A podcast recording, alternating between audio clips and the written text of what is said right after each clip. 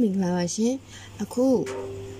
ဆရာမင်းလူရဲ့ခန်းကော်နီးဆိုတဲ့ဝတ္ထုလေးရဲ့အပိုင်းလေးကိုဆက်ပြီးဖတ်ပြပေးရှင်လို့ပါရှင်ဆိုချစ်ကခင်မေတင်ကိုဂန်းကော်ပန်ပေးတဲ့ကိစ္စဟာနိုင်မဆိုင်ပဲသတင်းပြန့်သွားသည်ခင်မေတင်ကအိမ်တောင်မပြန်နိုင်သေးပဲဝိုင်းဝိုင်းစီဝင်လာပြီးဝမ်းသာအားရသတင်းပေးသွားတာကိုဝိုင်းဝိုင်းကတဆင့်နမ်းမွေးပြီးတော့ကျော်စီဦးနဲ့မင်းတီဟာပါတိသွား၏ မင်းကွာတော်တော်ပြီးတဲ့ကောင်ငါတို့တောင်လုံးဝမရိပ်မိဘူးဟုတ်ကျော်စင်ဦးကပြောသည်ဟာဘာလဲကွာဘာတွေပြောနေရလဲဆိုချစ်ကပြန်မေးသည်မင်းတရားကခင်မေတင်ကိုပန်းပေးတဲ့ကိစ္စပေါ့ကွာမင်းဟာရင်ထဲကပြောချင်တဲ့စကားတွေကိုတင်ငေတနဲ့ပြလိုက်တာပဲမဟုတ်လားမဟုတ်ရပါဘူးကွာရိုးရိုးခင်လို့ပေးတာပါမဖြစ်နိုင်ဘူး တငယ်ချင်းလို့ခင်လို့ပေးတာဆိုရင်ဒီလောက်အပင်ပန်းခံပြီးမနှက်စောကြီးထကူပေးမှာမဟုတ်ဘူးငါမနှက်စောကြီးထကူပေးတာမဟုတ်ပါဘူးဟိုလာမဖိတ်နဲ့မြင့်ကြီးကပြောပြပြီးပြီမြင့်ကြီးဆိုတော့မှသူပြောခဲ့တဲ့စကားတစ်ခုကိုသတိရပြီးထပ်ဖြီးဖို့စူးစမ်းကြည့်သည်ငါကရရချေတာပါကွဘေးရင်ကဟောထားလို့လောက်မနေနဲ့ရရတွေပါတွေမင်းဘယ်တော့မှယုံဘူးလို့လဲမယုံတဲ့အပြင်ဒါတွေဟာအယူသီးမှုတွေပါလို့တောင်း ရှုတ်ချခဲ့သေးတာလေမင်းတို့ထင်နေတယ်လို့မဟုတ်ပါဘူးရိုးရိုးသားသားပါကွာဆိုချင်ရမင်းကတော်တော်ရှက်တတ်တဲ့ကောင်ပဲဒီလောက်ခင်တဲ့တငယ်ချင်းတွေရှိုးနေစရာမလိုပါဘူးကွာတကယ်ဆိုရင်ငါတို့ကဝမ်းသာပြီးတော့တောင်အပေးရအောင်ပါပါဘလို့အကြောင်းပြလို့မှရမှာမဟုတ်အမှန်တိုင်းပြောလို့လည်းမဖြစ်မေရီအောင်ကိုပေးဖို့ဟာဟိုကောင်မြင့်ကြီးဦးသွားဦးသွားလို့ခင်မေတင်ကိုပေးလိုက်ရတာပါဟုပြောလိုက်ရင် တစ်ချက်ကနှစ်ချက်ဖြစ်တော့မည်မေရီယောင်ကိစ္စကိုပါဖြောင်းချက်ပေးသလိုဖြစ်တော့မည်မြင့်ကြီးကလည်းမေရီအောင်ကိုဂန်းကော်ပန်းပေးတာယူသွားကြောင်းကြွားရင်ဆိုချစ်ကလည်းခင်မေတင်ကိုပန်းပေးသေးတယ်ဆိုတာမျိုးရှောက်ပြောမှသိကြသည်ဒီကောင်ကသူနဲ့ဆိုင်ဆိုင်မဆိုင်ဆိုင်ကြားတဲ့တဲ့မှန်သမျှလူတကာကိုရှောက်ပြောတာရှောက်ပြောတာမျိုးတိတ်ဝါဒနာပါသည်ခုလောက်ဆိုရင်ဒီကိစ္စကိုတန်းခွဲအလုံးနီးပါတိတ်ကုန်ကြတော့မည် ပိုဆိုးတာကခင်မတင်ကိုရိုင်ကြောင့်ပဲဖြစ်၏သူကဆိုးချစ်သည်သူ့ကိုတကယ်ပဲစိတ်ဝင်စားနေသောကြောင့်အချက်ပြလိုက်ခြင်းဖြစ်သည်ဟုယူဆနေသည်ဒီလိုထင်မဲ့ဆိုလဲထင်စရာပဲဆိုးချစ်သည်ငငယ်တုန်းကတခါဂန်းကော်ကဂန်းကော်ပန်းတက်ခူးပေးဘူးသည်အပင်မော်ကပြုတ်ကြပြီးမေးစီကွဲသွားလို့တောင်ခင်မတင်တရင်သွားမေးစာရီကူပေးလိုက်ရသေးသည်အတန်းကြီးလာသောအခါဆိုချစ်ကသူ့ပေါ်တိတ်ရင်းရင်းနှီးနှီးမဆက်ဆံပဲနေခဲ့လို့စိတ်မကောင်းဖြစ်ရသေးသည် လက်စသက်တော့ဆိုချစ်ကမယိုးသားလို့စိတ်မလုံမလဲဖြစ်ပြီးရှောင်နေခဲ့တာကိုဟုခင်မေတင့်ဘက်ကယူဆသွားတာတဘာဝကြသည်ဝိုင်းဝိုင်းတို့နမ်းမွေးတို့ကလည်းဒီတိုင်းပဲသုံးသက်ကြသည်ဆိုချစ်ဆိုတဲ့ကောင်ကဒီလိုကိစ္စမျိုးမှာအရှက်ကြောက်ကြီးတတ်တယ်တကယ်ကတော့ခင်မေတင့်ကိုစိတ်ထဲကကြိတ်ပြီးစိတ်ဝင်စားနေသည်ခုတော့မနေနိုင်လို့သူ့သဘောထားပွင့်အံထွက်လာတာပြီးတော့မှရှက်ပြီးအကြောက်ကန်ညင်းနေတာဟုတွက်သည် ခင်မေတင်ကတော့လုံးဝကိုယုံကြည်ထားလိုက်ပြီးဆောင်းမွဲနီးနေလို့သာဒီလောက်ပဲအရင်မို့ပြထားတာဆောင်းမွဲပြီးမှသူဖွင့်ပြောလိုက်မယ်ဘာပဲဖြစ်ဖြစ်ဆိုးချစ်တယောက်ဒီဘက်စိတ်ရောက်ပြီးကျောင်းစာဘက်မှာလေဟင်းမှလဲစိုးရိမ်သည်ထို့ကြောင့်ဆိုးချစ်ကိုဆိုးချစ်နေ့မှာစာရေးဆောင်ရက်လားငါကူးပေးအောင်မလားဟုမေးသည်ဆိုးချစ်ကဆုံးပါတယ်မလိုပါဘူးဟုဒုံတီတီကြီးပြန်ပြေးသည်ငါလည်းရမလားလို့လား တသက်ရဲ့ဖြစ်အောင်ကူးပေးမှာပါဟာဆိုချစ်ကခေါင်းခါသည်ခင်မေတင့်သည်မေးစရာရှိလို့ဆိုတော့အကြောင်းပြချက်ဖြင့်ဆိုချစ်တို့အိမ်ကိုတွားသည်ဆိုချစ်ကငါရှင်းပြတတ်ဘူးဆိုပြီးခါထုတ်သည်တို့ရတွင်ဆိုချစ်၏အမတွေနှမတွေကခင်မေတင့်ကိုခင်ကြသဖြင့်ဆိုချစ်ဟိုကအကူတကြီးနဲ့လာတာကိုနင်ကပြစ်ပြစ်ခါခါလောက်ရသလားပညာဆိုတာဖြန့်ဝေပေးမှတမိုးရှိတာဟုဝိုင်းပြောတော့ကြောင့်အောင်သက်သက်နှင့်ရှင်းပြရသည် ခင်မေတင်ကတော့ကျေနပ်နေသည်တခါတော့အရေးစွန်ပြီးပြောလိုက်၏ဆိုချစ်ရဲ့နောက်ကိုခုလိုမမမဲမဲကြီးထဲမှာခေါင်းကောက်ပန်းထပ်မခုပါနဲ့ဟာနေ့စေတနာကိုတော့ငါတတ်မှုထားပါတယ်ဒါပေမဲ့ငငယ်တုန်းကလိုတစ်ပင်မော်ကပြုတ်ကြမှာစိုးရိမ်လို့ပါခန်းကောက်ပန်းကိုငါအယူမှုကြိုက်တယ်ဆိုတာမှန်ပါတယ်ဒါပေမဲ့နင့်အတွက်အန်တီရရှိမယ်နင်ပင်မမယ်ဆိုရင်တော့ခန်းကောက်ပန်းမရလဲနေပါစေတော့ဟုတ်စေတနာစကားဆိုသည် ဆိုချစ်ကလည်းသူ့အတိတ်ပဲနဲ့သူအေးပါနောက်ကိုမခုတော့ပါဘူးဟုတ်ပြောသည်ဒါကိုခင်မေတင်းကဆိုချစ်ကငါစကားနားထောင်နေဟာတိလားဟုဝိုင်းဝိုင်းတို့ကိုဂုံယူစွာပြောလေသည်ဆိုချစ်မှာတော့နေမတိထိုင်မသာဖြစ်နေရ၏နင်းထင်တယ်လို့မဟုတ်ဘူးလို့ခင်မေတင်ကိုပြောလို့လည်းမဖြစ်ငါကတငယ်ချင်းလိုရိုးရိုးခင်လို့ပေးတာပါပြောရအောင်လဲယုံကြည်မရှိခန်းတော်ဦးကိုတကူးတကခူးပေးတာဟာတငယ်ချင်းသဘောထက်ပိုကြောင်းထင်ရှားနေသည် အမှန်တိုင်းပြောပြန်ရင်မေရီယောင်ကိစ္စကပါလာတော့မည်ပို့ပြီးအထိနာတာကမေရီယောင်နဲ့ပတ်သက်လို့ပဲဖြစ်သည်မေရီယောင်အမြင်မှာစိုးချစ်သည်ခင်မေတင်အပေါ်စိတ်ဝင်စားမှုရှိနေပြီဟုယူဆစရာဖြစ်သွားမှတေးကြသည်ခုချိန်ကြတော့မှအမှန်ကဂန်းကော်ပန်းကိုနင့်ကိုပေးမလို့ဟိုကောင်မြင့်ကြီးကဥသွားလို့ခင်မေတင်ကိုပေးလိုက်ရတာဟုတ်ပြောလိုက်လို့လည်းမဖြစ်တ ယောက်ကိုပေးခွင့်မရတာနဲ့ပဲနောက်တစ်ယောက်ကိုအလွယ်တကူလှည့်ပေးလိုက်တဲ့လူစားမျိုးဟုထင်စရာဖြစ်သွားမည်နောက်တစ်ခုကတော့မြင့်ကြီးကိစ္စမြင့်ကြီးသည်မေရီယောင်ကိုစက်ကြိုးစားတော့မှတေးကြသည်မိန်းကလေးတယောက်ပေါ်တခြားပြိုင်ဘက်တဦးနဲ့အတူရှင်လူရမှာမျိုးကိုစိုးချစ်မလို့လားပြီးတော့မြင့်ကြည်သည်ဟောင်ဖွာဟောင်ဖွာလှုပ်တတ်တာကလွဲရင်စိတ်ရင်းကောင်းသူဖြစ်၏ထို့ကြောင့်မြင့်ကြည်ကိုပင်ဦးစားပေးလိုက်တော့မည်ဟုစိတ်ကူးသည်ခင်မတစ်ကိစ္စကိုလည်း အေးအေးဆေးဆေးမှအမှန်တိုင်းရှင်းပြတော့မည်လောလောဆယ်စာမွေးဝဲအတွက်ကြိုတင်ပြင်ဆင်မှုကိုဦးစားပေးရမည်ဒီကြားထဲမှာမြင့်ကြည်နှင့်မေရီအောင်တို့သတင်းကိုကြားရသည်မြင့်ကြီးကတရက်မှာမေရီအောင်ကိုစကားလိုက်ပြောသည်သူ့ထုံးစံအတိုင်းလူရင်းကိုတော်တော်နဲ့မပြောပြစ်ကန်းကော်ပန်းတက်ခူးရတာမလွယ်တဲ့အကြောင်းကန်းကော်ပင်မှာအဆောင်ရှိရဲလို့သတင်းထွက်နေလို့ကြောက်ကြောက်လန့်လန့်နဲ့ခူးရတဲ့အကြောင်းဆူချစ်ရောက်လာမှအဖော်ရှိပြီးစိတ်သက်သာရာရကြောင်းပြောရင်းက ဆူချစ်ကလည်းခင်မေတင့်အတွက်ကန်းကော်ပန်းလာခူးတာလေကန်းကော်ဦးဆိုတာကလည်းရဖို့မလွယ်ဘူးမလားကံကောင်းလို့နှစ်ပွင့်ရှိနေတာနဲ့အဝေးတက်သွားတာငန်းကော်ပန်းခူးရောင်းတဲ့ကောင်မလေးတွေရောက်မလာသေးတာပဲကံကောင်းတဲ့အချက်အချက်တစ်ချက်ပဲဒီကောင်လေးတွေကဆိုပြီးငန်းကော်ပန်းခူးရောင်းတဲ့ကောင်လေးတွေအကြောင်းဆက်ပြောပြန်သည်ဒီကမှဈေးထဲကပန်းတဲ့တွေအကြောင်းရောက်သွားပြန်သည်မေရီယောင်သည်အတော်လေးတော့တီးခတ်ပြီးနားထောင်ပေးသည်နောက်တော့လက်ကင်ဘွားလေးထုတ် နှာခေါင်းကိုမတိမတာအုံရင်ဟုတ်လားအော်အင်းစသည်ဖြင့်အလိုက်တစ်ထိုက်ပြန်ပြောသည်မြင့်ကြီးကလည်းအားတက်ပြီးပန်းတယ်ရီအကြောင်းကနေအမဲသားတဲ့အကြောင်းဆက်ဖို့စကားလမ်းပြောင်းသည်ဒီခါမှာတော့မေရီအောင်ဆက်လက်တီးမခံနိုင်တော့ပဲမြင့်ကြီးရဲ့ပြောစရာရှိလဲနောက်နေ့မှထပ်ပြောပါလားခုလောလောဆယ်တော့အိမ်ပြန်ပြီးခြေထောက်ရည်ဆေးလိုက်ရင်ကောင်းမှန်ထင်တယ်ဟင်ဘာဖြစ်လို့လဲနင်ခွေးချင်းနေမိလာတယ်ထင်တယ်တိတ်နန်တာပဲအဲ မြင့်ကြီးသည်သူ့ခြေထောက်သူငုံကြည့်၏မေရီအောင်ပြောတာမှန်သည်ဘဲဘက်ဖက်နှက်အောက်မှာခွေးကြီးတွေအချက်လိုက်ကတ်နေသည်ဖနှောက်မှာတောင်လာပေနေသေးသည်အဲ့ဒါပါပဲကွာရှက်ဖို့ကောင်းလိုက်တာငါလဲဆက်လိုက်လို့ဘယ်ရတော့မလဲနောက်တစ်ခါထပ်ပြီးစကားလိုက်ပြောဖို့လဲဘယ်ဖြစ်နိုင်တော့မလဲမေရောင်ကငါ့ကိုတွေ့တာနဲ့ပြုံးစီစီဖြစ်နေတာကွာတော့ကြဟာလို့ရင်ပြဿနာပဲတော်ပြီကွာလက်လျှော့လိုက်တာကောင်းပါတယ် ဟုတ်မြင့်ကြီးကသူ့ဖြစ်ကိုလာပြောပြသည်ပြီးတော့မင်းကတော့ခမေတင်းနဲ့အဆင်ပြေတယ်မဟုတ်လားပြေပါကွာဆိုရှိကသူ့အတိတ်ပဲနဲ့သူပြောသည်မြင့်ကြီးကဟာမဖြစ်နိုင်တာကွာဒီကရုံးမမင်းကိုတစ်ဖက်သက်ဖြစ်နေတာလူတိုင်းသိတာပဲဟာဟုတ်ပြောသည်ဘာပဲဖြစ်ဖြစ်မြင့်ကြီးကမေရီယောင်နဲ့ပတ်သက်ပြီးစက်မကြိုးစားတော့ကြောင်းသိရသဖြင့်စိုးချစ်အတွက်အခွင့်အလမ်းပြန်ပေါ်လာပြီဟုဆိုရမည် ဆောင်ပွဲကိုအလုံးကြိုးကြိုးစားစားဖြေကြသည်ဖြေနိုင်သည်ဟုလည်းထင်ကြသည် အောင်နာကတော့အောင်ပါပဲမှတ်တော့သိတ်ကောင်းမှာမဟုတ်ဘူးအောင်နာကတော့အောင်ပါပဲအမှတ်တော့သိတ်ကောင်းမှာမဟုတ်ဘူးဟုကျော်စင်ဦးကပြောသည်ကျန်တဲ့လူတွေကလည်းငါတို့လည်းဒီတိုင်းပဲဟုပြောကြသည်ခင်မတင်ကတော့ငါကတင်ချာကိုတိတ်ကြောက်တာတင်ချာပြရမယ့်နေ့ကမေဝတ်စာရဲယူကြည့်တဲ့အချိန်မှာလက်တွေတောင်တုံနေဒါပေမဲ့ မင်းဝန်တွေကစွချစ်တွက်ပြမှုတဲ့ပုံစံတွေကြီးဖြစ်နေလို့ဖြေနိုင်သွားတာဟာစွချစ်ကတော့ငါရဲ့ကက်တင်ရှင်ပါပဲဟုဆိုသည်ဝိုင်းဝိုင်းက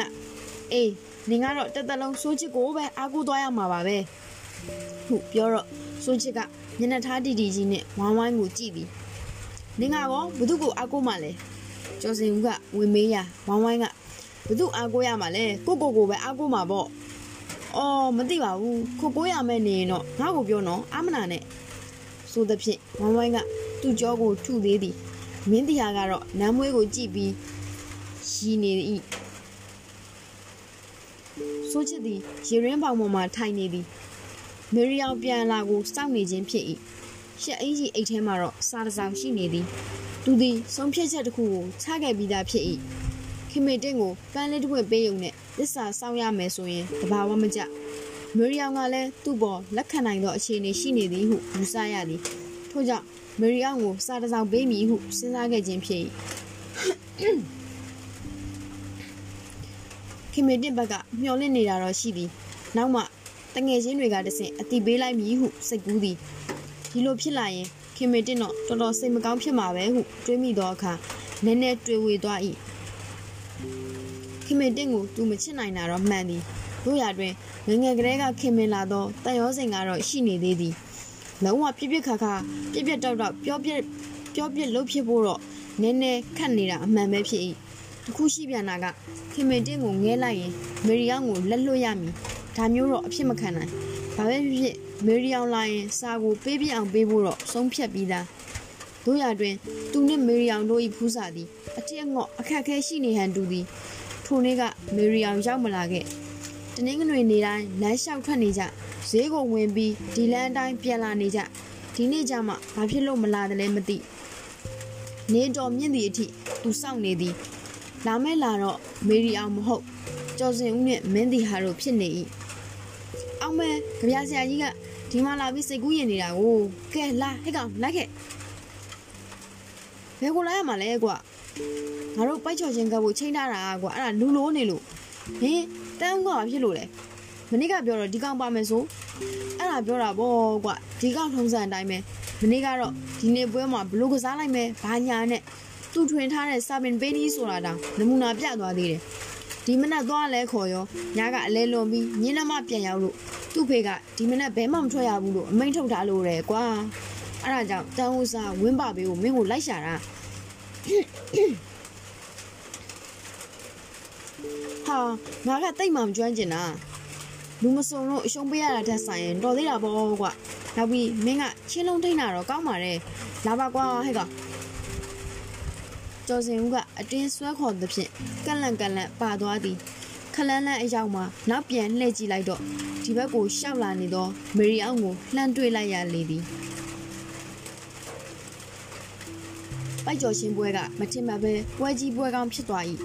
ဆိုချစ်သည်တိတ်တော်တိတ်တော်လာတာမဟုတ်တော့လဲတစ်ဖက်ကရိုက်ချသောခက်ချက်တွေကိုစက်တင်ရမှာတော့အားကိုးရသည်နှစ်ဖက်ချီရင်ညီနေသောကြောင့်အကျိတ်နယ်ကစားကြရသည်သုံးပွဲကစားရာတပွဲတပွဲကိုအတော်ကြအောင်ကစားကြရ၏တပွဲစီနိုင်ကြပြီးနောက်ဆုံးပွဲမှာရေကုန်ရေကန်းကစားကြရသည်သူတို့ဘက်ကရှုံးလို့လို့ဖြစ်နေပြီးမှဆိုးချစ်ကဲလိုက်သောချင်းချင်းတလုံးကြောင့် တက်တာရရသွားပြီးနောက်ဆုံးမှာတမတ်ထဲဖြင့်ကပ်ပြီးနိုင်လိုက်သည်ကျော်စင်ဦးတို့မှာပြီးခဲ့သောချင်းပွဲနှစ်ပွဲဆက်တိုက်ရှုံးခဲ့ပြီးအခုမှနိုင်သဖြင့်ဝမ်းသာအားရဖြစ်နေကြသည်ဆိုးချစ်ကိုခောက်ဆွဲကြော်ဝဲကျွေးသည်လက်ဖက်ရည်တိုက်သည်မနက်ကပင်ပန်းသွားသောကြောင့်လားမသိဆိုချစ်အစောကြီးအိတ်ရှင်လာသဖြင့်ည9နာရီမထိုးခင်မှာပင်အိတ်ရတဲ့ဝင်ခဲ့သည်မိခနဲ့အိတ်ပြော့သွားစဉ်အိမ်မက်မက်သည် အိမ်မက်ထဲမှာသူကမရီယောင်ကိုစပေးသည်မရီယောင်ကမယူရီပဲရီနေသည်ဆိုချစ်မလုံးမလဲဖြစ်ပြီးခွေးချွေးတွေပါခွေးချီးတွေပါနင်းမိသလားဟုငုံကြည့်သည်ထိုခိုက်မှာပင်နောက်မှကွယ်ပြီးပုံနေသောခင်မီတင်းကမရီယောင်၏ဂျိုင်းကြားမှသူ့လက်ကိုရှို့ထုတ်၍စားကိုစက်ခနဲ့ဆွဲယူပြီးပြေးထွက်သွားသည်ဆိုချစ်ဖြက်ကနေလက်နိုးလာသည်ခုမှသတိရ၏ မေရီယောင်ကိုပေးမဲစာကရှက်အင်ကြီးအိတ်ထဲမှာဒီတိုင်းရှိနေသေးသည်အမတွေနှမတွေကသူ့အိယာကမနိုးခင်ဝက်လက်ဆအင်ကြီးကိုလာယူသွားပြီးရှော်တတ်သည်စာကိုသူတို့တွေ့သွားရင်ရှုပ်ကုန်မည်ထို့ကြောင့်အိယာမှနူးလဲထားလိုက်၏ထိုင်ကုန်ကြောမီမှာချိတ်ထားသောအင်ကြီးအိတ်ထဲကဆွဲထုတ်သည်ငါးချက်တန်တစ်ရွက်တစ်ချက်တန်နှစ်ရွက်သုံးရွက်အကျွေးစီအနှဲငယ်သာလက်ထဲပါလာသည်စာအိတ်ကိုမတွေ့ရတော့ သူစိုးရိမ်သွားသည်အမတွေနှမတွေများနှိုက်သွားသလားမဖြစ်နိုင်ဒီအင်ကြီးကိုသူအိတ်ခါနီးမှချွတ်လိုက်တာညာကြီးမင်းကြီးတော့အခန်းထဲဘယ်သူမှဝင်မှာမဟုတ်ဖြစ်နိုင်တာတွေစဉ်းစားကြည့်သည်မနက်ကပိုက်ကြော်ချင်းခတ်နေစဉ်အင်ကြီးချွတ်ပြီးတိုင်မှာချိတ်ထားသည်နေတိုက်ပြီးနှွင့်သွားလို့ပြန်ကောက်ပြီးချိတ်လိုက်ရတာမှတ်မိသည်အဲ့ဒီမှာပဲထွက်ကြသလားနိုင်ကိုကြည့်တော့ည7နာရီခွဲလက်နှိပ်တံမီယူပြီးထွက်လာခဲ့သည် ပိုက်ကြော်ချင်းခတ်တဲ့ကွင်းထဲမှာဓမီထိုးပြီးရှာသည်မတွေ့ဟေးဘာတူလဲကွာဘာလုပ်နေရလဲကွင်းဆက်နာရှိအိမ်တိမ်မှလူကြီးတယောက်ကလန့်အော်မေးသည်ကျွန်တော်ပါဦးလေးစိုးချစ်ပါအော်ညနေနေမှာကွာဘာလာရှာရလဲဟိုတင်အဲကျွန်တော်မနက်ကချင်းခတ်ရင်ပတ်စံကြပြောက်သလားလို့ဟာမင်းတို့ပွဲပြီးတော့ကလေးတွေစက်ခတ်ကြသေးတာပဲပတ်စံကြပြောက်လဲဘယ်တွေးတော့မလဲကွာ စိုးချစ်လက်လျှော့ပြီးအိမ်ပြန်လာခဲ့ရသည်အိမ်ရောက်မှနောက်တစ်ချက်စဉ်းစားမိပြန်၏ပိုက်ကြော်ရှင်ခတ်ပြီးအပြန်မှာကျော်စင်ဦးတို့အိမ်မှာဝင်နာပြီးရေချိုးကြသည်ရေချိုးကနီးမှာရှက်အင်ကြီးချွတ်ပြီးကလထိုင်လက်တန်းပေါ်တင်ထားခဲ့သည်အဲ့ဒီမှာထွက်ကြခဲ့လေသလားဒါဆိုရင်တော့ကျော်စင်ဦးတို့အိမ်ကလူတွေတွေ့သွားတော့မည်မတော်တဆမဆာပါလဲဆိုပြီးဖောက်ဖက်ကြည့်ရင်အခက်ပဲလူကြီးတွေတွေ့သွားလဲမကောင်းကျော်စင်ဦးတွေ့သွားလို့လည်းမဖြစ် သူသည်စိတ်ထဲမှာမတင်မကြကြီးဖြစ်နေသောကြောင့်နှိမ့်နှိမ့်ချိုက်ချိုက်အိတ်မပြောဘဲဖြစ်နေရ၏မနက်6နာရီလောက်ထပြီးထွက်လာခဲ့သည်လမ်းရောက်မှစဉ်းစားမိ၏ဒီချိန်ကျော်စင်ဦးအိယာကနိုးမှမဟုတ်သေးနှိုးပြီးမေးလို့လည်းမဖြစ်စာကသူ့အိမ်မှာကြားခဲ့တာမဟုတ်ခဲ့ရင်တသက်ကိုဘာသာဖော်ကောင်လုပ်လို့ဖော်ကောင်လုပ်တယ်လို့ဖြစ်နေမည်သူ့အိမ်မှာကြားခဲ့တယ်ပဲထားဒီလောက်အရေးကြီးဒီလောက်အရေးကြီးလာမေးတဲ့အတွက်မတင်ကားဖြစ်နိုင်၏ထို့ကြောင့် လက်ဖက်ရည်ဆိုင်ဝင်ထိုင်၍နံပြားနှင့်လက်ဖက်ရည်စားတော့ရင်အချိန်ဖြုံးနေလိုက်သည်တကယ်လို့စာကိုကြော်စင်ဦးကဖွင့်ဖက်ကြည့်ပြီးပြီဆိုရင်တော့အမှန်တိုင်းဝန်ခံလိုက်ရုံသာရှိသည်ထိုအခါသူတို့ကိုစောစောကဖွင့်ရမတိုင်မရကောင်းလားဟုအပြစ်တင်ခြင်းတင်ပြီးဒါတော့မတက်နိုင်သူ့ကျင်ကိုကဒါမျိုးကိစ္စမှာဘယ်သူကိုမှကြိုတင်အတိမပေးခြင်းသူ့စိတ်ကူသူ့ကိုယ်ပိုင်ဆုံးဖြတ်ချက်နဲ့သာလှုပ်ချင်သည်အဖေရတောင်းရင်ကတခုတွားတွေးမိပြန်၏ တကယ်လို့စာကကြော်စင်ဦးအိမ်မှာကြားခဲ့ပြီးကြော်စင်ဦးကလည်းဖွင့်ဖက်ပြီးပြီဆိုရင်ဒီကောင်မနေ့ကလေးကအိမ်ကိုလာပြောမှသေးကြသည်စာကိုမတွေးကြသေးလို့များလားစာကအင်ကြီးအိတ်ထဲကထွက်ကြပြီးစပွဲအောက်တွေပါတွေရောက်သွားလို့လားကျော်စင်ဦးမနိုးခင်သွားပြီးအေကန်အနဲ့ရှာကြည့်ရင်ကောင်းပြီဟုစိတ်ကူးရသည်သူတို့အမေကစောစောနိုးတတ်တော့အိမ်တကာဖွင့်ပြီးနေလောက်ပြီးသူလက်ဖေးဆိုင်မှထပြီးထွက်လာခဲ့သည် ကျော်စင်ဦးတို့အိမ်ရှိအရောက်တွင်ရှင်အောင်ကလေးဆွဲပြီးဈေးသွားဖို့ထွက်လာတော့ကျော်စင်ဦးတို့အမေနှင့်စုံသည်ဟဲ့မောင်စိုးကြီးစောစောစီးစီးပါလားဟုတ်ကဲ့ကျော်စင်ဦးနိုးပြီလားတော်တော်မင်းတငယ်ချင်းကဘယ်တော့မှမြန်ဒီချိန်ထားဘူးလို့လဲကိစ္စရှိရင်တော့ဝင်သာနှုတ်လိုက်တော့ဟုတ်ပြောပြီးထွက်သွားသည်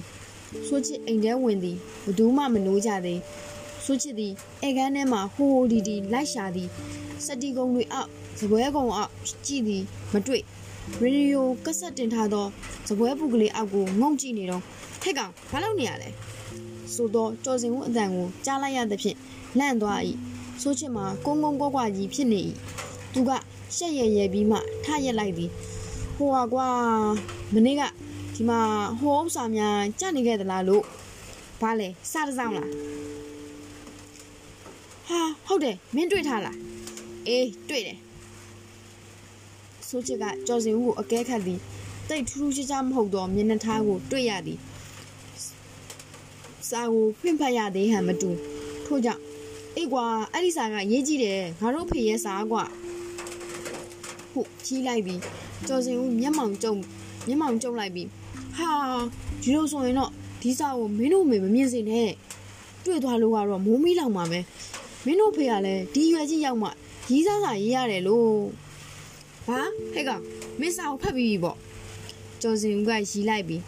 အေးလေစာပေါ်မှာလိပ်စာလည်းတက်မထားတော့ဘသူစာမှန်းသိရအောင်ဖောက်ဖက်ကြည့်ရတာပေါ့ကွာကြပြာဆရာလို့မပြောရဘူးစာသားတွေကတိတ်မိတာပဲ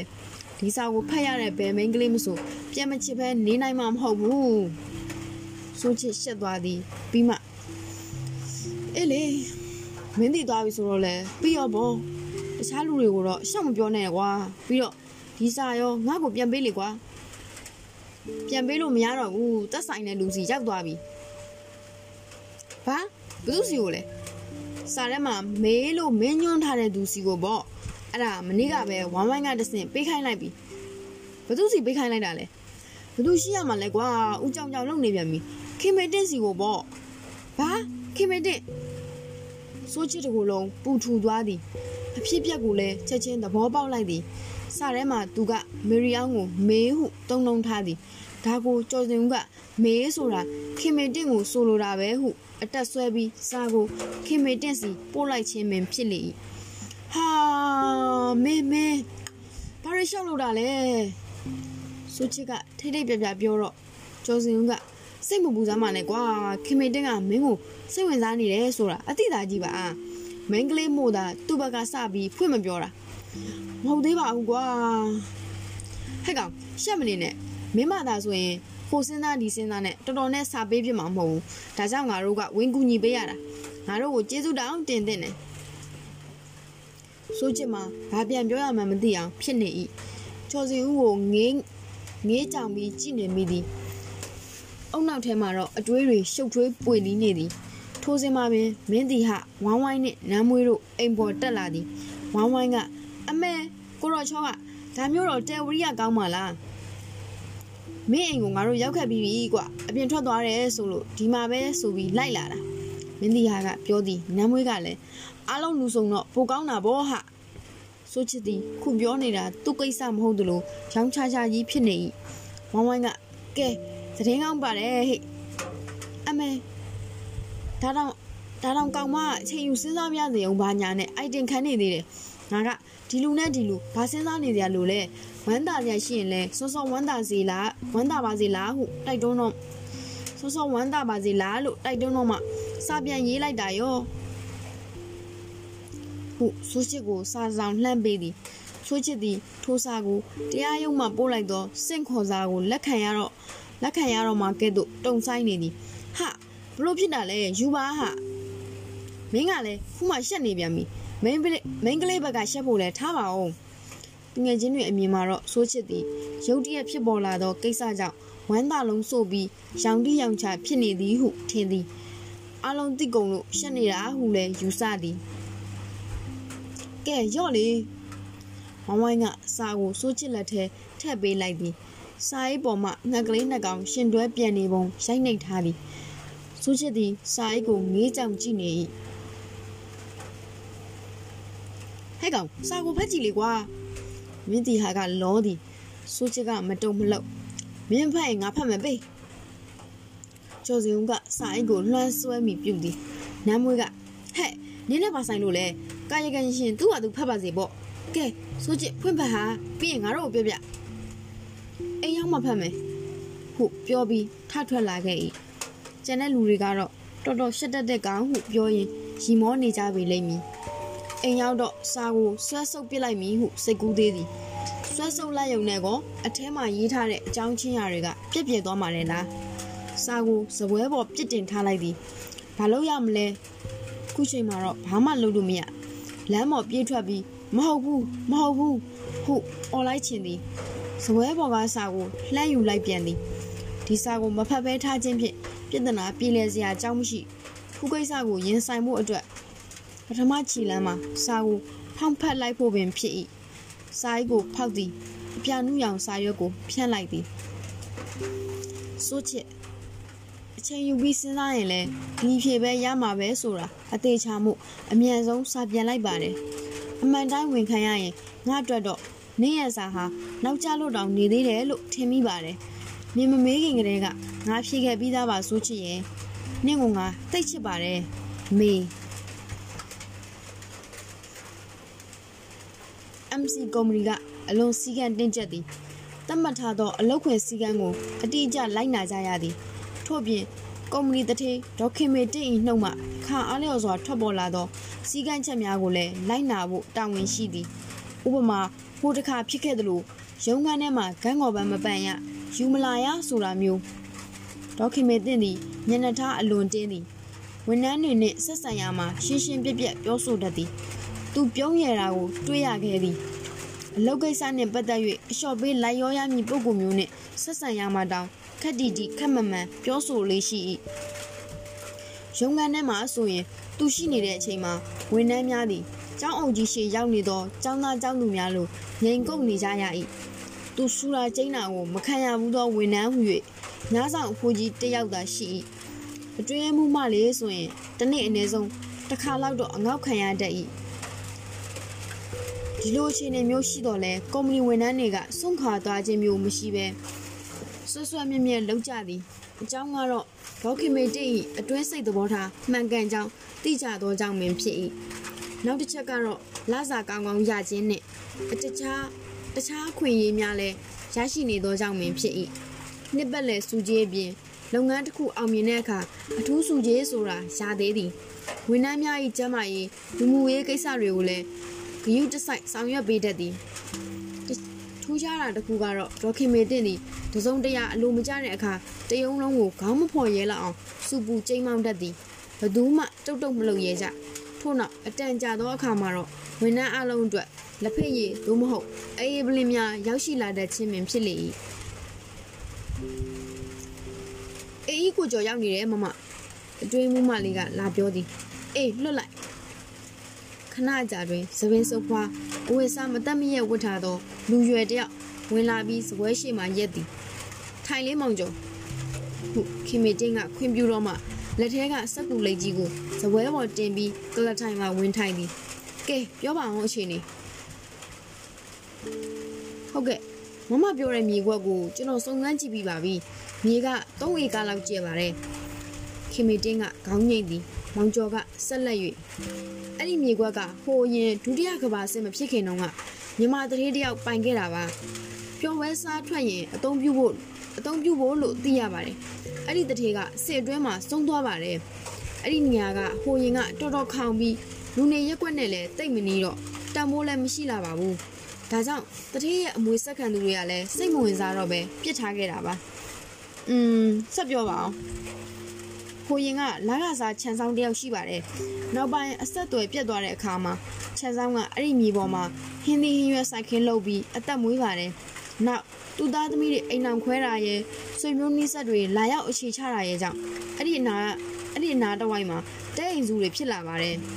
။အဲ့ဒီအကြောင်းနဲ့မင်းဘယ်လိုလုပ်သိတယ်လဲ။ဟုတ်ခင်မေတင်းကစကားထောက်လိုက်သည်ဒီလိုပါ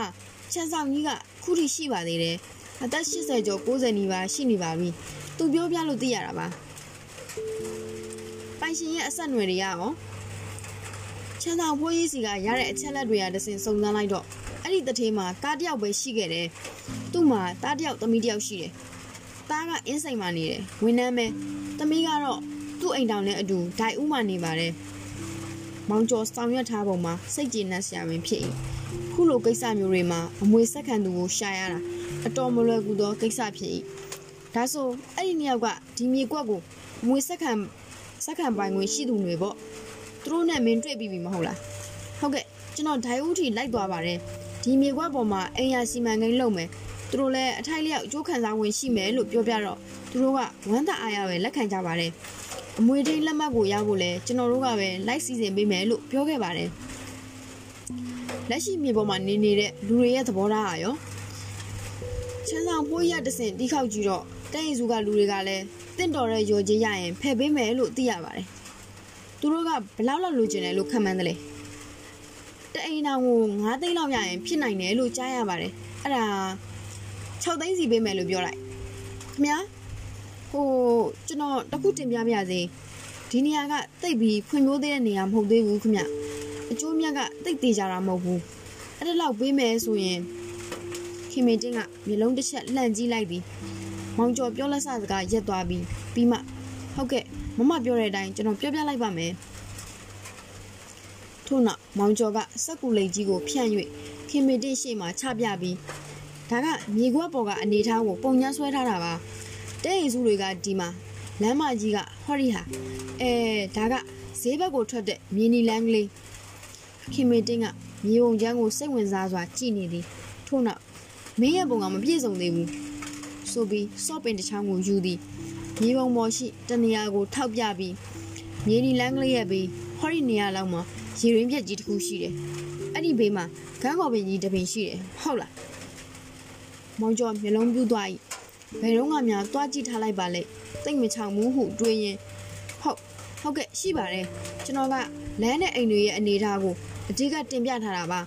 အဲ့ဒီရေတွင်းနဲ့ဂန်းကော်ပင်ကတိတ်အရေးမကြီးသေးဘူးထင်လို့ဘာဖြစ်လို့ရေးမကြီးရမှာလဲ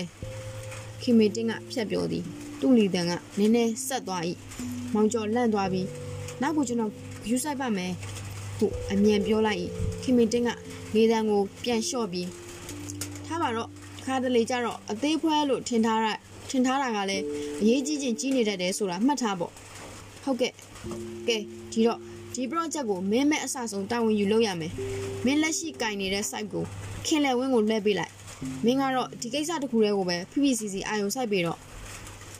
ရုံးကိုရှောက်ဖို့ကိစ္စ ဟိုမောင်နှမအတွက်အမွေဆက်ခံဝင်ရှောက်ဖို့ကိစ္စတွေကိုဥပဒေအကျိုးဆောင်ဥမမောင်အေးနဲ့တိုင်ပင်ပြီးလို့ဟုတ်ပြီလားဟုတ်ကဲ့ခင်ဗျမောင်ကျော်သည်အရက်ကြိုက်တတ်တာကလွဲရင်အလွန်တော်သောအင်ဂျင်နီယာလေးတစ်ယောက်ဖြစ်၏အရက်တောက်တတ်တာကတော့သူ့ရဲ့ကိုယ်ပိုင်လွတ်လပ်ခွင့်ဖြစ်၏အလုပ်ကိုထိခိုက်လောက်အောင်တောက်ချင်းမဟုတ်သဖြင့်ခွင့်လွှတ်ထားရ၏အလုပ်ချိန်တွင်းမှာတော့တောက်ခွင့်မပြုကျွန်တော်ခွင့်ပြုပါအောင်မောင်ကျော်ထရက်လိုက်သည်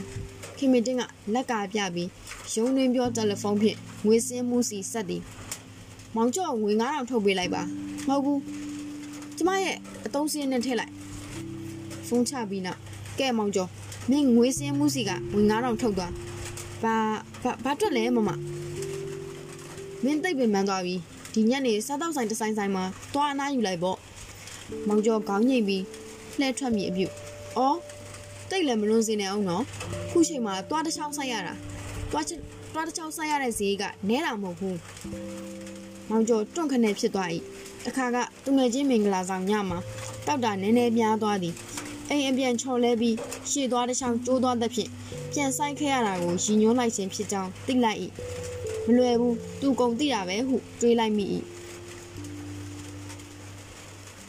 မောင်ကျော်ထွက်သွားပြီးနောက်ခင်မင်တင့်မြေပုံချမ်းကိုတခါထတ်ထုတ်ထတ်ကြည့်လိုက်သည်စောစောကသူစော့ပင်နှင့်ချစ်ထားသောနေရာကိုတွေ့ပြီးစိုက်ကြည့်နေသည်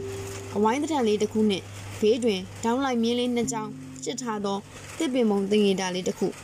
ဒါတွေကတိတ်အရေးမကြီးဘူးထင်လို့ပါတဲ့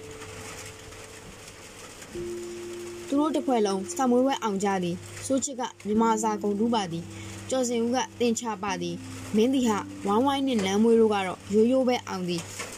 ထူးခြားတာကတော့ခင်မေတင့်ဖြစ်၏သူကစားတော်တဲ့ဆင်းထဲမှာမပါခဲ့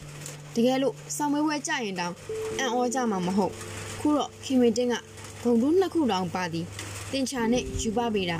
ဝိုင်းဝိုင်းတို့ကပြောမနာဆိုမနာဖြစ်တော့ကြောင့်ထင်းတောင်မထင်ဘူးဟဲ့နင်ကကြိတ်ကြိုးစားခဲ့တာပေါ့လေခုပြောသည်ခင်မင်တင်းကငါလည်းမမျော်လင့်ပါဘူးကို့ဘာသာလည်းအံ့ဩတယ် တခုတော့ရှိတယ်ဟာငါစာညံ့တာကိုစိုးချစ်ကတိတ်တော်မကြဘူးထင်တာနဲ့အရန်စူးစမ်းလိုက်တာပါခုပြန်ပြောသည်အောင်စင်ထွက်တဲ့နေ့ကသူတို့တစ်ခွဲလုံးမျိုးရဲထွက်စားကြတောက်ကြပြီးရုပ်ရှင်ဝင်ကြည့်ကြသည်ရုပ်ရှင်ရုံနဲ့ဝင်ကြတော့မင်းကလေး၃ယောက်ကရှေ့ကဝင်သည်သူတို့ယူထားသောခုံနံပါတ်၏အတွင်းဘက်အစွန်းဆုံးမှာနမ်းမွေးကထိုင်သည်ပြီးတော့ဝိုင်းဝိုင်းဒီဘက်မှာခင်မေတစ်စိုးချစ်ကနောက်ဆုံးမှလိုက်လာသည် ခုပုံတိုင်းဆိုရင်စိုးချစ်ကဒီဘက်အစွန်းဆုံးမှာထိုင်မိသဘောဖြစ်၏တို့ရတွင်ကြိတ်ပြီးတိုင်ပင်ထားသည့်အတိုင်းဒီဘက်အစွန်ကုန်းနှစ်ခုမှာကျော်စင်ဦးနှင့်မင်းတီဟာတို့အရင်ဝင်ထိုင်လိုက်သည်ထိုအခါအတွင်းဘက်ရှိခင်မင်တင့်ဘေးကတခုံသာလွတ်တော်သည်ဟိုဘက်တို့လေကွာဟုဆိုချစ်ကပြောသည်ကျော်စင်ဦးကရှက်မနေပါနဲ့ကွာသွားထိုင်စမ်းပါဆိုပြီးဆိုချစ်လက်ကိုဆွဲ၍ခင်မင်တင့်ဘေးကုံမှာထိုင်ခိုင်းသည်ပြီးတော့ နမ်းမွေးကိုလှမ်းပြောသည်နမ်းမွေးနင်ကအစွန်ဆုံးခုံမှာမထိုင်သင့်ဘူးတော့ကြာနိဘေးမှာကလာကြီးတယောက်လာထိုင်ခတ်နေမယ်နင်နဲ့ငါနဲ့နေရာလဲအောင်နမ်းမွေးကမလဲချင်ပါဘူးမင်းတရားနာမှာငါမထိုင်ချင်ဘူးဘာဖြစ်လို့လဲဟာဒီကောင်ကအီးပုံတက်လို့လားလာပါဟာနေရာလဲအောင်ငါဝိုင်းဝိုင်းနာမှာထိုင်ချင်လို့ပါဘာပြောတယ်ဝိုင်းဝိုင်းကလမ်းអော်သည်ဟုတ်တယ်ဟာဒါမှရုပ်ရှင်ပြလို့မှောင်နေတော့အဟိ ကြော်စင်ဦးနော်ပါချိုးချင်လို့လားဟာငါပြောတာမှောင်နေတော့နင့်နေကြစီတွေခိုးစားမယ်လို့ပြောမလို့ပါဟာရုပ်ရှင်ပြီးလို့ထွက်လာကြတော့ရုပ်ရှင်ပြနေတော့စိုးချစ်ကနင့်လက်ကိုလာကင်သေးလားဟုတ်နမ်းမွေးကတိုးတိုးမေးသည်ခင်မင်တင်းကလာကင်မှုနေနေတာကသူ့ဘေးမှာငါရှိတယ်လို့တောင်ထင်ရလားမသိဘူးကျော်စင်ဥပတ်ပဲလှဲ့လှဲ့ပြီးစကားပြောနေတာငါ့ကိုစကားလေးတစ်ခုတော့မပြောဘူးငါကနေကြစီကျွေးတာတော့ဟင့်အင်းတခွန်းပဲပြောတယ် ဒီကောင်ကတိတ်ရှက်တက်တာနည်းနည်းသိတာပဲဟုတ်ဝိုင်းဝိုင်းကဖြောင်းဖြသည်မင်းကလည်းကွာခင်မင်တစ်ကိုစကားလေးပါလေးတောင်လှည့်မပြောဘူးမင်းနဲ့ကနေရာချင်းလဲလိုက်ချင်တယ်ကွာဆိုသည်မင်းဒီဟာတို့ကြော်စင်ဦးတို့ကအမလို့အမရပြောသည်ဆိုချစ်ကတော့သူ့ဒုက္ခနဲ့သူဆိုချစ်ကသူစိတ်ကူးထားတဲ့အတိုင်းတက်တိုမှာမြန်မာစာအဓိကယူပြီး ကျော်စင်ဦးနဲ့မင်းတီဟာတို့ကယူပပေတာအဓိကဝိုင်းဝိုင်းနဲ့နမ်းမွေးတို့ကစီးပွားရေးတက်တိုတက်သည်ခင်မင်တင်းကအမှတ်ကောင်းသဖြင့်စက်မှုတက်တိုတက်ခွင့်ရသည်သူကဝိတုကပညာသင်မည်ဟုဆို၏နေရန်ကစားလောင်လို့တော့ကမြင်းချောင်းတောင်ဖြောင်းအောင်မဆွဲတဲ့လူကဝိတုကလုံမဲတဲ့နင်းဆွဲတဲ့အိမ်ပုံစံဆိုရင်တော်တော်ကြီးရမှာပဲကြမ်းကင်းတဲ့မျက်နှာချက်မှားဆွဲမိတာတို့၆ထပ်တိုက်ပုံစံမှာလှေကားမထဲမိတာတို့ဖြစ်မှကျိန်းနေတယ် ခုကျော်စင်ဦးကဟားသည်ခင်မီတင်းကလည်းပြန်လဲခြေပါသည်နင်တို့နင်တို့ကရောဘာထူးလဲမမ်ဘူးကိုအခုံးနဲ့အခွက်မခွဲတတ်ပဲမင်းတီဟာကယူပပေတာယူမယ်အဝက်သားမှာဘနဲ့ကြက်သားရှိမှတော့မသိတဲ့နမ်းမွေးကစီးပွားရေးတက်ကလေးတက်မယ်တဲ့အင်းဆိုချစ်ပဲကောင်းတယ်သူဝါသနာပါတာနဲ့သူယူတဲ့ဘာသာနဲ့အန်ကိုက်ပဲအေးပါအေးပါနင့်အတွက်တော့ဆိုချစ်လို့သမျှမကောင်းတာဘာမှမရှိဘူးဆိုချစ်ပါတဲ့အီတောင်ချောကလက်ကော်ဖီနဲ့တူတယ်လို့ပြောမဲ့ဟာမျိုး မင်းတီဟာကပြန်နှက်သည်ဆိုချစ်ကတော့ရှေ့ဆက်ပြီးဘလို့စကန်းသွားရမှန်းမသိအောင်အုံနောက်၆နေရ၏ခင်မေတင်ခင်မေတင်ကိုအမှန်တိုင်းရှင်းပြဖို့အကြိမ်ကြိမ်စိတ်ကူးခဲ့သည်တို့ရတွင်ပြောမထွက်ခင်မေတင်သည်ဆိုချစ်ကသူ့ကိုတကယ်ချစ်တာဟုယုံကြည်နေသည်ဆိုချစ်ရဲ့အချစ်ကိုပိုင်ဆိုင်ခွင့်ရသောကြောင့်အလွန်ဝမ်းသာကြည်နပ်နေသည်ဆိုချစ်ကတခြားလူတွေလိုမကြာခဏတိုးဝင်တောင်းတာမျိုးမလုပ်ယုံမက ရှောင်ဖဲဖဲလုံနေသလိုတောင်ထင်ရသည်ဒါကိုလည်းခင်မေတင်ကအပြစ်မမြင်ဆိုချစ်ကအင်ဒရီကြီးလို့ပါဟုကြံဖန်ဂုံယူခြင်းသေးသည်များသောအားဖြင့်တော့နှစ်ယောက်ချင်းတောင်စုံလေးသိမ့်မရှိငယ်ချင်းတွေအားလုံးစုံပြီးတော့မှပင်တွေ့ကြတာများသည်ထိုခါမျိုးတွင်ခင်မေတင်ကဆိုချစ်၏မျက်နှာကိုသာအရေးတကြီးကြီးရှိနေ၏သူတော်တော်ချစ်ရှာကြောင်းဆိုချစ်သိသည်ထို့ကြောင့်လည်းပြပြခါခါမလုံးရအောင်ဖြစ်နေရ၏ ခင်မေတင်ကိုချစ်သူတယောက်လိုလုံးဝမချစ်နိုင်တာမှန်သည်တို့ရတွင်တငယ်ချင်းတယောက်လိုတော့ခင်မင်စဲဖြစ်၏အမှန်တိုင်းသိသွားရင်ခင်မင်တင်ဘလောက်ရှက်လိုက်မလဲဘလောက်ခံစားရမလဲခင်မင်တင်စိတ်ထိခိုက်သွားမှာကိုတော့သူစိုးရိမ်သည်စိုးချစ်အဖြစ်မှာယောဂကျွမ်းနေပြီဖြစ်ကြောင်းလူနာကိုခွင့်ပြောရမှာခက်နေသောဆရာဝန်တယောက်လိုပါပဲ thank you